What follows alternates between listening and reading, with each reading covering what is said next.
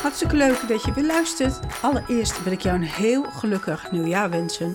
Een heel mooi 2022 waarin al je dromen uitkomen.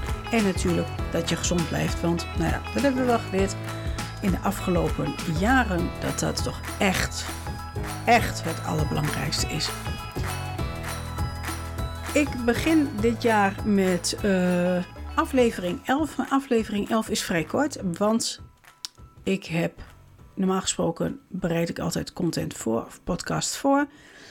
En dat is deze keer niet gelukt, want ik ben aan het verhuizen. Ja, ik ben aan het verhuizen. Of nou ja, niet ik alleen, wij met de hele familie. En um, dat was een vrij last minute beslissing.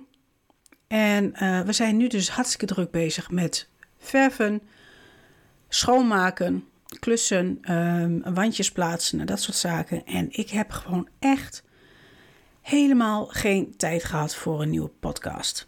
Want ik wilde een podcast maken over um, de zaken die ik niet weer terug wil zien in 2022 op social media. En um, nou, daar kan ik van een heel verhaal over houden, maar dat, is, dat moet ik toch even voorbereiden. En ik heb daar gewoon geen tijd voor gehad. Volgende week is er wel een aflevering, die is al klaar. En um, die kun je dus 9 januari beluisteren.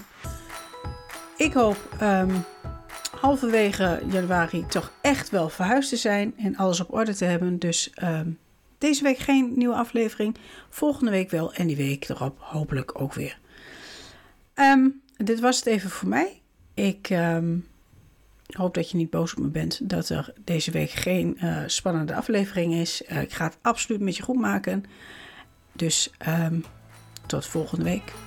Doei doei.